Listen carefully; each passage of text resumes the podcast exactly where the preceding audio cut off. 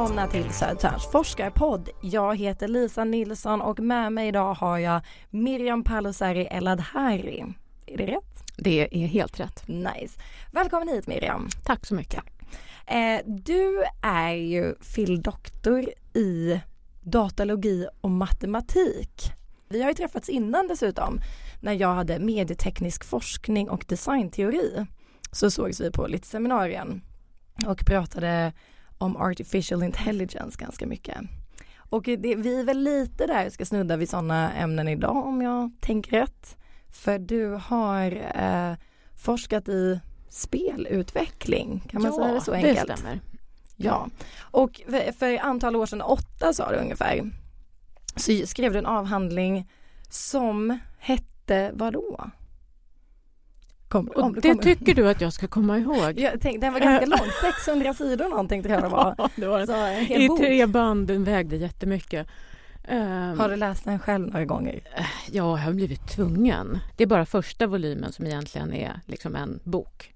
Uh, men den handlade om... Uh, jag byggde en AI-modell som jag kallar för Mind Module som gör så att man kan ge uh, karaktärer i spel både personlighet och sen så hur de reagerar och vad de har för humör beror på vilken personlighet de har i spelet. Uh, så det var jätteroligt. Det var speciellt kul att testa när man har spelare som lägger in sin egen personlighet mm. och spelar tillsammans med andra och ser om deras karaktärer reagerar som de skulle göra också i verkligheten. Så liksom om jag hade spelat så mm. kunde min karaktär, eller jag kunde liksom överföra min karaktär på min typ då avatar som exakt. Exakt. Okay. Så att om du skulle vara eh, otroligt lugn och stark som, mm. som individ då skulle det återspegla sig i spelet för hur du reagerar på saker som händer din spelkaraktär. Uh, så det var faktiskt det var oerhört kul att jobba med det där. Men jag höll ju på med det, var det?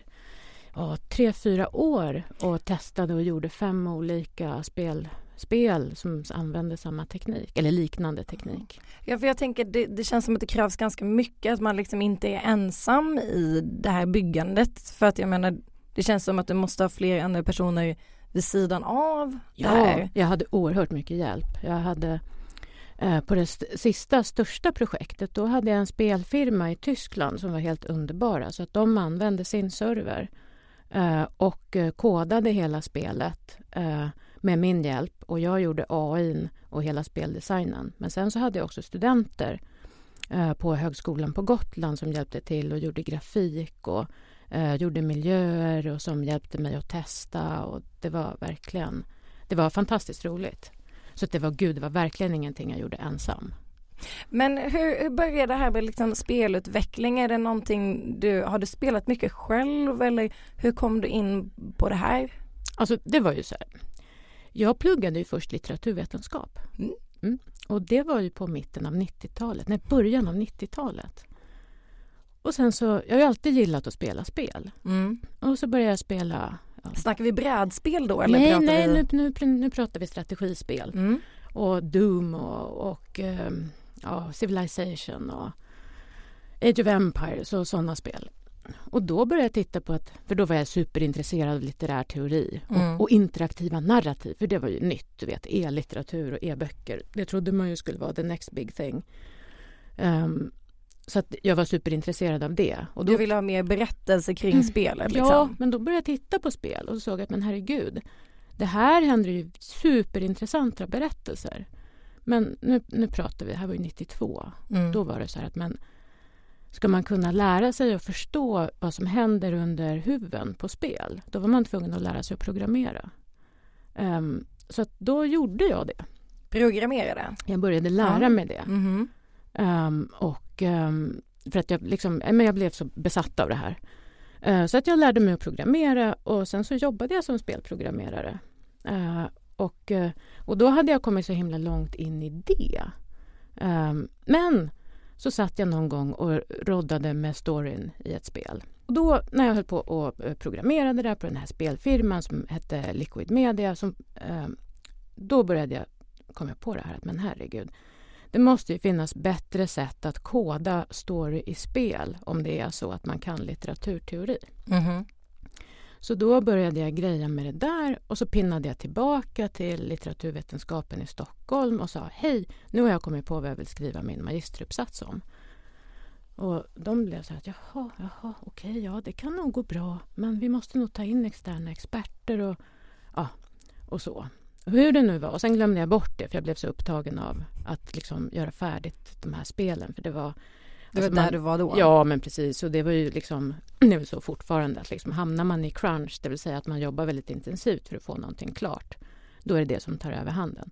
Men jag hade på något sätt knåpat ihop en stipendieansökan eh, till Teknikbrostiftelsen. Ja, och så, långt ifrån eh, litteraturen där. Ja, och då hade jag plötsligt fått de här medlen. Så då kunde jag skriva min magisteruppsats om berättande i spel eh, och faktiskt ha lön medan jag gjorde det.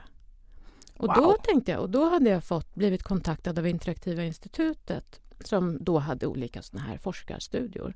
Och då hade de en som var inriktad på spel och jag sa att nej, det går inte för jag håller på med det här och det här och det här. Men de tyckte att man kan ju inte ta en kontorsplats här i alla fall medans du skriver. Och då hade vi precis köpt ett sommarhus i Visby det här skulle vara i Visby. Mm, perfekt. Mm. Så då började jag och, då, och det var då jag upptäckte forskning. Mm. Det var då jag upptäckte att men hoppsan, all den här problemlösningen som man sitter med på, som spelprogrammerare på en spelfirma det är forskning för att man gör saker som inte är gjort tidigare. Och så började jag, så gick jag på den första konferensen som jag någonsin hade gått på. Det var i Kanada, i Edmonton. Wow! Uh, och, och fick, långväga dessutom. Ja, och jag fick lyssna på liksom folk som hade programmerat Deep Blue, du vet den här schackdatorn. Och, ah, ja, ja, ja. Ja, och folk som gjorde så deep searches i Go och sådana saker. Jag var helt bara, men gud vad är det här för värld? Finns det här? Och de jag träffade sa, men herregud, du skriver ju papers och har dig. Ska du inte doktorera? Och jag tänkte, men vad är det? Man får en nice titel. Ja, men liksom, och, så, och sen så fick jag förklarat för mig att oh, men nu finns det ett litet hål i verkligheten här. Eh, liksom du vet den här verkligheten när man ska liksom göra sin karriär och man ska liksom vara produktiv. Det finns detta att man kan doktorera och vad som händer då det är att man får, man får fem år på sig att plugga någonting som man tycker är superintressant och verkligen göra en djupdykning i ett problem som man vill lösa. Mm. Och någonting man kanske brinner för då också, ja, som precis. tycker är kul. Och som man liksom inte kan släppa. Mm. Utan man får verkligen undersöka det här. Så jag tänkte så här, what's not to like? Ja, uh, let's do it. Ja, men precis. Ja. Så jag började liksom rodda runt och försöka se hur det skulle kunna vara möjligt. Och du vet, på den vägen var det. Mm. Jag började doktorera sen 2004 satte jag igång. Ja, nu försökte göra snabb matte här på hur, hur länge sedan det är men jag låter bli det. det är väl ja, herregud, 14, 14 år sedan. År sedan ja. ja. men mycket har hänt. Ja, mycket har hänt. Men, men i allt det här, liksom, i din avhandling, alltså du, du pratar om liksom, eh, problematik eller problemlösning helt enkelt. Kom du fram till någonting? Var det något så här, aha, ja. det här upptäckte jag? Ja, alltså gud, det var många upptäckte på vägen. Och det som, det som jag liksom verkligen ville lösa, det var ju det här att jag ville se hur man kan eh, berätta bra berättelser i miljöer med, med många, många spelare samtidigt. För mm. det är mm. ofta så där att eh, när man tittar på en film eller läser en bok, det finns alltid en huvudperson. Men är det så att man är tusentals människor på, i, som spelar simultant i samma spel alla kan ju inte vara huvudpersoner i den stora berättelsen. Mm. Det, som, det, finns bara en Luke Skywalker i, i Star Wars, mm. en prinsessan Leia. Så vad jag ville titta på det var hur kan man bygga smarta system med smarta karaktärs karaktärs-AI som hjälper människor att bygga sina egna berättelser där alla liksom är huvudpersoner från sin egen synvinkel, så att säga. Um, och det är, det är lite redan så i nästan alla spel som har så många simultana spelare, rollspel, alltså massiva rollspel. Men är det inte lite så i verkligheten också tänker jag? Men man är ju huvudkaraktär i sitt, sitt egna liv. Ja. Då blir man ju på något sätt det i spelet man är också. Precis så. Precis så. Och det var det jag ville liksom titta på. Och också se när man rollspelar. Då är det ju så att folk som spelar rollspel och live action roleplay en av de första sakerna man får lära sig det är att man ska, liksom behåll, man ska vara i sin rollfigur. Man ska, man ska bete sig på ett sätt som är trovärdigt för... Eh, Storyn. Ja, men exakt. Så om, så om min karaktär eller min avatar eller min rollfigur är deprimerad då kan inte jag plötsligt börja bete mig jätteglatt. Nej. uh, så att det var någonting som den här mind-modulen som jag använde det till. Det var att uh, ge liksom ett humörsstate, uh, så att säga, till en karaktär. Om det är så att en, en rollfigur är deprimerad, ja, men då kan den inte göra vissa saker. När den går in liksom i, ja. i ett, ett, ett, mood, typ att ja, den, men exakt. är deprimerad. Om den är deppig, då, då, kan den inte, då kan den inte stötta och hjälpa andra lika mycket. Nej. Uh, däremot om, om man är uh, på fantastiskt världsälskande humör, ja, men då kanske man inte kan skada andra heller bara sådär. Mm. Så att det var det jag tittade på. Att det, på engelska så kallas det för, kallas det för affordances. Mm. Um, att man på något sätt skapar ett handlingsutrymme och då försökte jag skapa ett slags handlingsutrymme som skulle passa eh, berättelsemässigt i ja, stora spel. För där läste jag lite om just det här mellan alltså storytelling och att vinna ett spel. Alltså är vi, är vi människor mer intresserade av spel som är mer storytelling än att bara säga nu ska jag vinna det här schackspelet. Det beror ju så otroligt mycket på uh, sammanhanget. Uh, jag tänker på så om, om vi spelar schack till exempel, mm. då är inte vi så jätteintresserade av att bygga ett, ett narrativ om varför drottningen plötsligt slår ner knäkten. Däremot när vi spelar ett rollspel med en sån här underbar, liksom utbroderad historia, ja men då kanske vi inte bryr oss om så himla mycket hur, många, hur höga poäng vi har. Vi, men vi vill eh, leva oss in i vi vill leva oss in ja. i det, vi vill se slutet på historien. Sen finns det en annan superintressant genre av brädspel. Det är när man inte spelar eh, rollspel eh, så att man liksom är en karaktär som man liksom, ja, eh, spelar. Mm. Eh, utan istället att man bygger en berättelse tillsammans.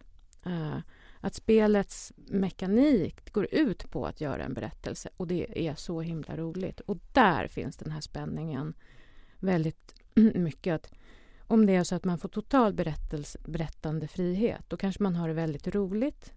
Men berättelsen kanske inte blir så bra. Mm. Uh, däremot... Utan det ska leda någonstans ja, också. Men exakt. Ja. Så att där, där finns det liksom en spänning mellan vilken, hur bra berättelsen blir och hur roligt man kanske har det. Hur, alltså hur man gör det här. Och då tillsammans med andra, antar jag?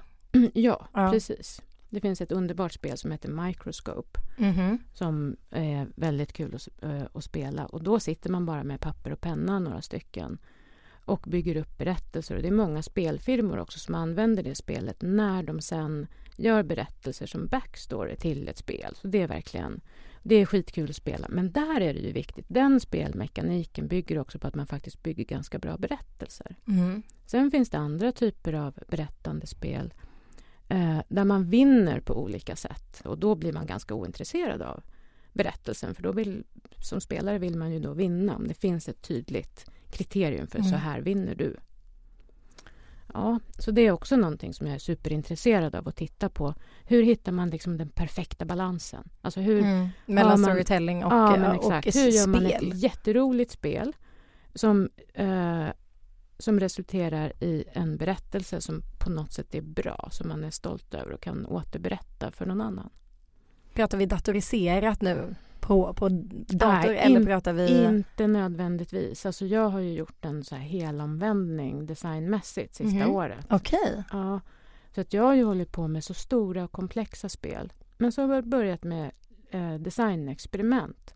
Alltså någonting som alltså jag tänk, när, jag, när jag sitter med det då tänker jag att jag ska ha minimalistisk design. Mm. Så att jag har börjat designa brädspel och titta på hur, för att brädspelsituationen är så speciell. Då är det ju så att då sitter man ofta med människor som man känner lite grann mm. eh, tillsammans runt eh, ett bord och man sitter och löser problem tillsammans.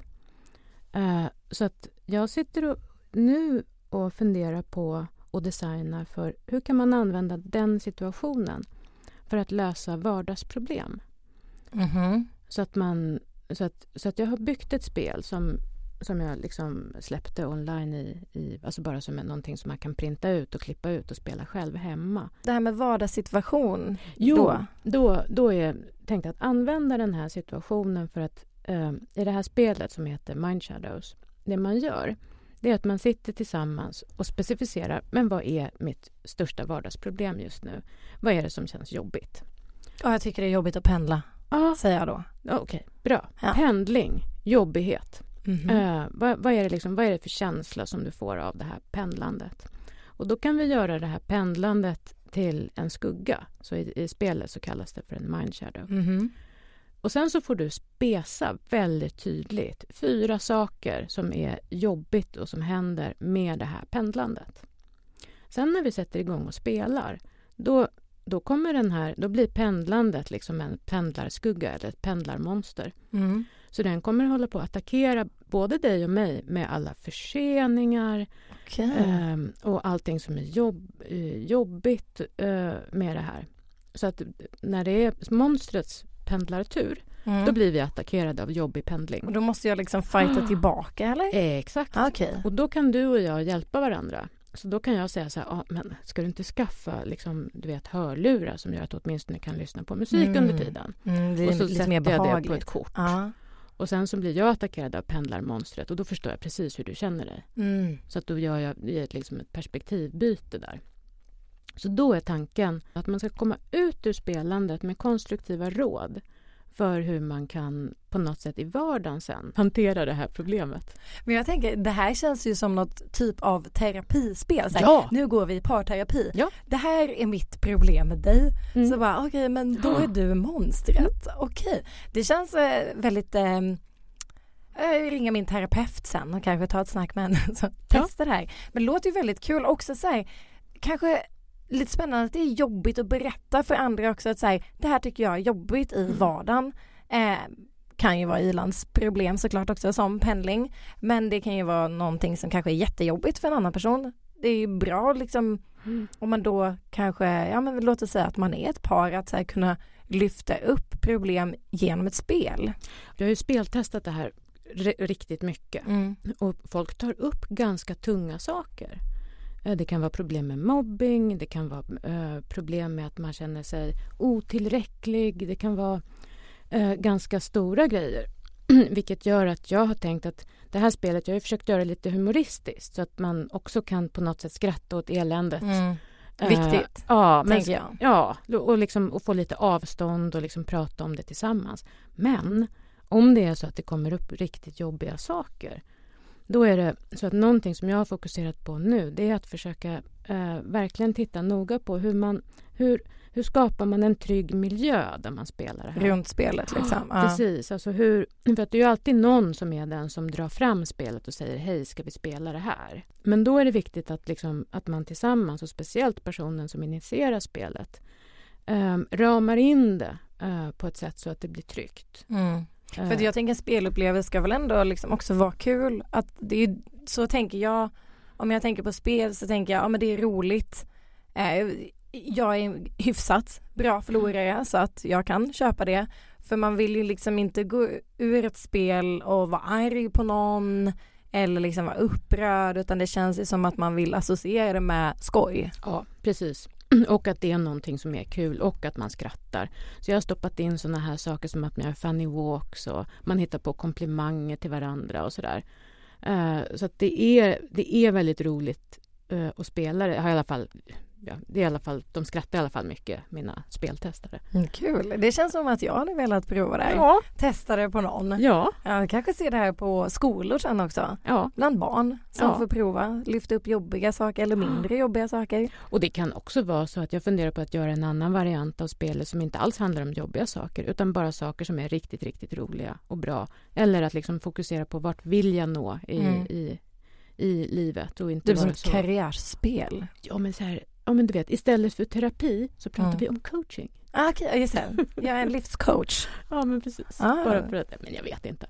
Ehm, men, men, men som det är nu så är jag i alla fall väldigt glad över det. Och en grej som jag har funderat på det, det är att eh, för jag tycker att eh, jag har försökt göra de här spelmarkörerna som glasballocker. Fint. Ja, och det är en sak som jag funderar på att göra, en förenklad variant. Men att bygga spelet som ett halsband och, eh, no, och några, vad heter armband. Armband som man kan ta med sig? Ja, men precis. Ja, ja, så att ja. det är liksom så här, En del av Men säg att du och jag går och Ja. fikar eh, efter föreläsningen. Ehm, och, så, och, så säger, ja, och så säger du någonting som du tycker är jobbigt. Liksom. Du, Mm. Det är inte pendlandet, men någonting relationsmässigt kanske. Mm. Och så säger jag så här, ja men Lisa, jag, nu tar jag av mig halsbandet här. Och så lägger jag det mellan oss och Mm. så ger jag dig ett av armbanden och det blir liksom din, ditt känslohumör och så har jag mitt och så har jag en liten kortlek. Ehm, och så, liksom så på en liten kvart så pratar vi igenom det här. Men det coola är då att om man använder en mekanik för det så kan man dekonstruera problemet Mm. och förstå det på ett lite djupare sätt och kanske prata om det från synvinklar som man annars kanske inte hade mött på. Ja men för jag tänker typ att många gånger kan det ju vara svårt liksom ta upp ämnen med en person som man kanske vill prata om. Och då är det så här, men okej nu har jag det här halsbandet och armbandet så här, jag vill spela ett spel med dig och förklara liksom vad det går ut på och då har man liksom kopplat liksom Mm. nå- något problem till ett spel.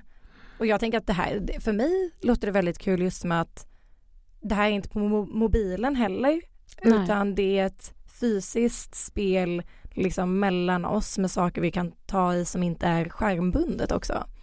Precis, och det gör skillnad. Det är det som är så intressant med brädspelssituationen. Eh, för att just att man tittar på varandra Mm. och på en sak och man rör vid saken, den har en tyngd.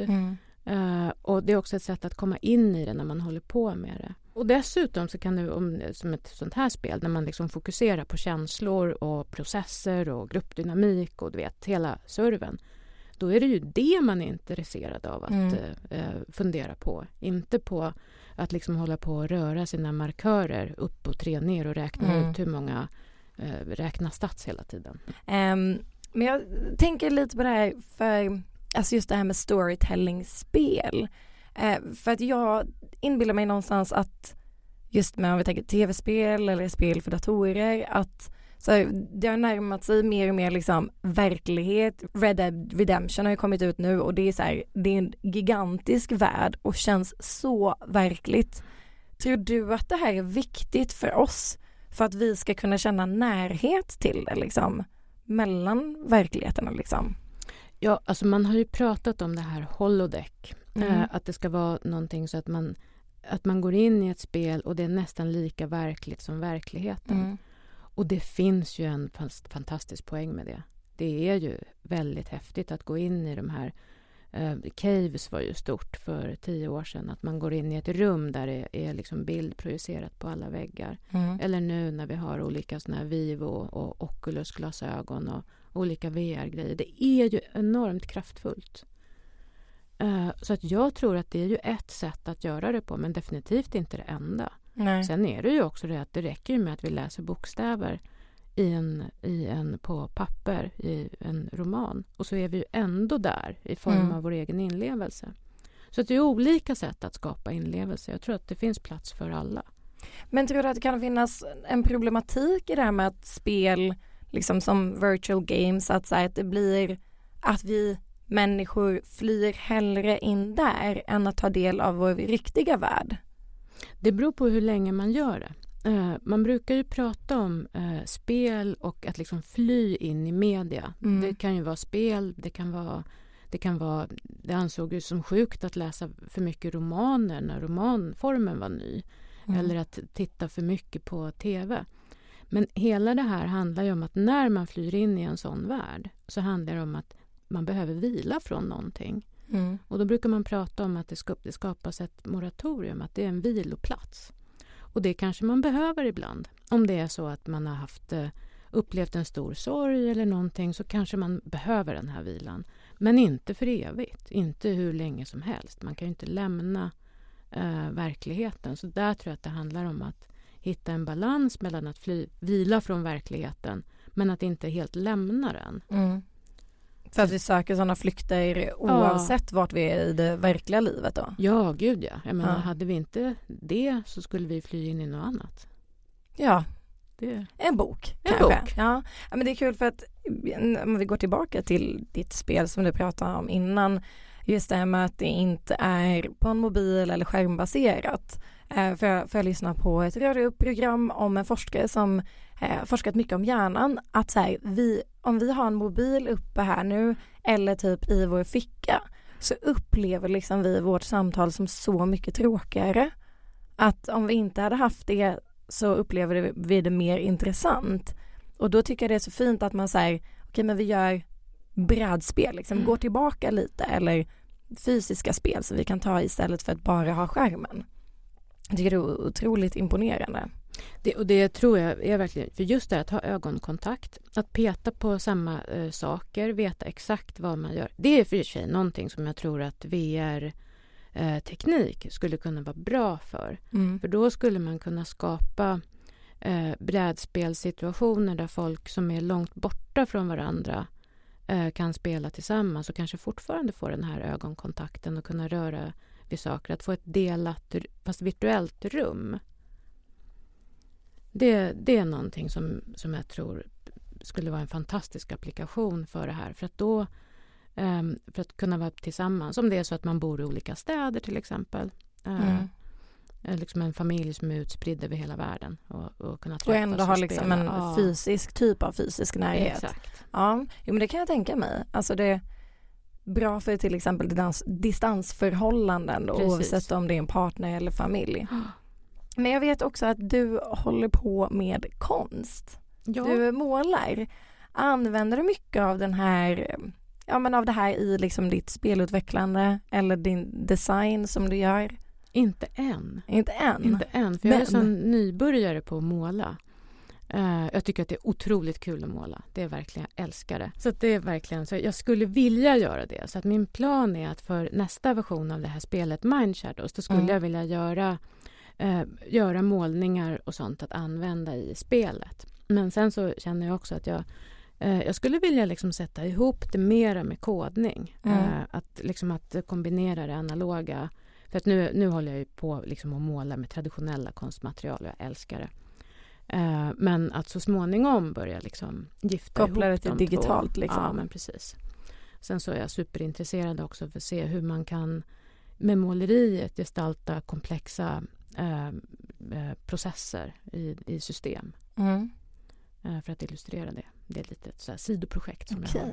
Men så där du är nu, liksom, hur ser liksom, vad, vad kommer nu? Är det fortsättning med Mind Shadows eller vad händer? Ja, alltså jag skulle vilja ta Mind Shadows och se om jag kan använda det i terapisituationer för att hjälpa, eh, hjälpa folk eh, i olika situationer. Om det är ungdomar eller äldre, eller, det vet jag inte. Eh, sen är jag också jätteintresserad av att fortsätta jobba med med historieberättande i spel. Att fortsätta experimentera med det. Och speciellt genom sådana här eh, brädspel där man berättar berättelser. Jag tycker att det låter jättekul Miriam och om du behöver någon som testar spel så kan jag jättegärna ställa upp. Ja, nu har du eh, lovat på radio. Ja, jag har lovat att det, det är fast nu. Jag ja. slår fast vid, jag är jättesugen, ja, verkligen. Mm. Eh, men vi måste avrunda lite. Jag får tacka jättemycket för att du kom hit. Det var jättespännande att lyssna på vad du hade att säga hade kunnat fortsätta prata mycket mer om det här. Så tack så jättemycket. Tack så mycket för att jag fick komma. Ni har lyssnat på ett avsnitt av Södertörns forskarpodd. Jag heter Lisa Nilsson och tekniker idag var Albin Tingstedt.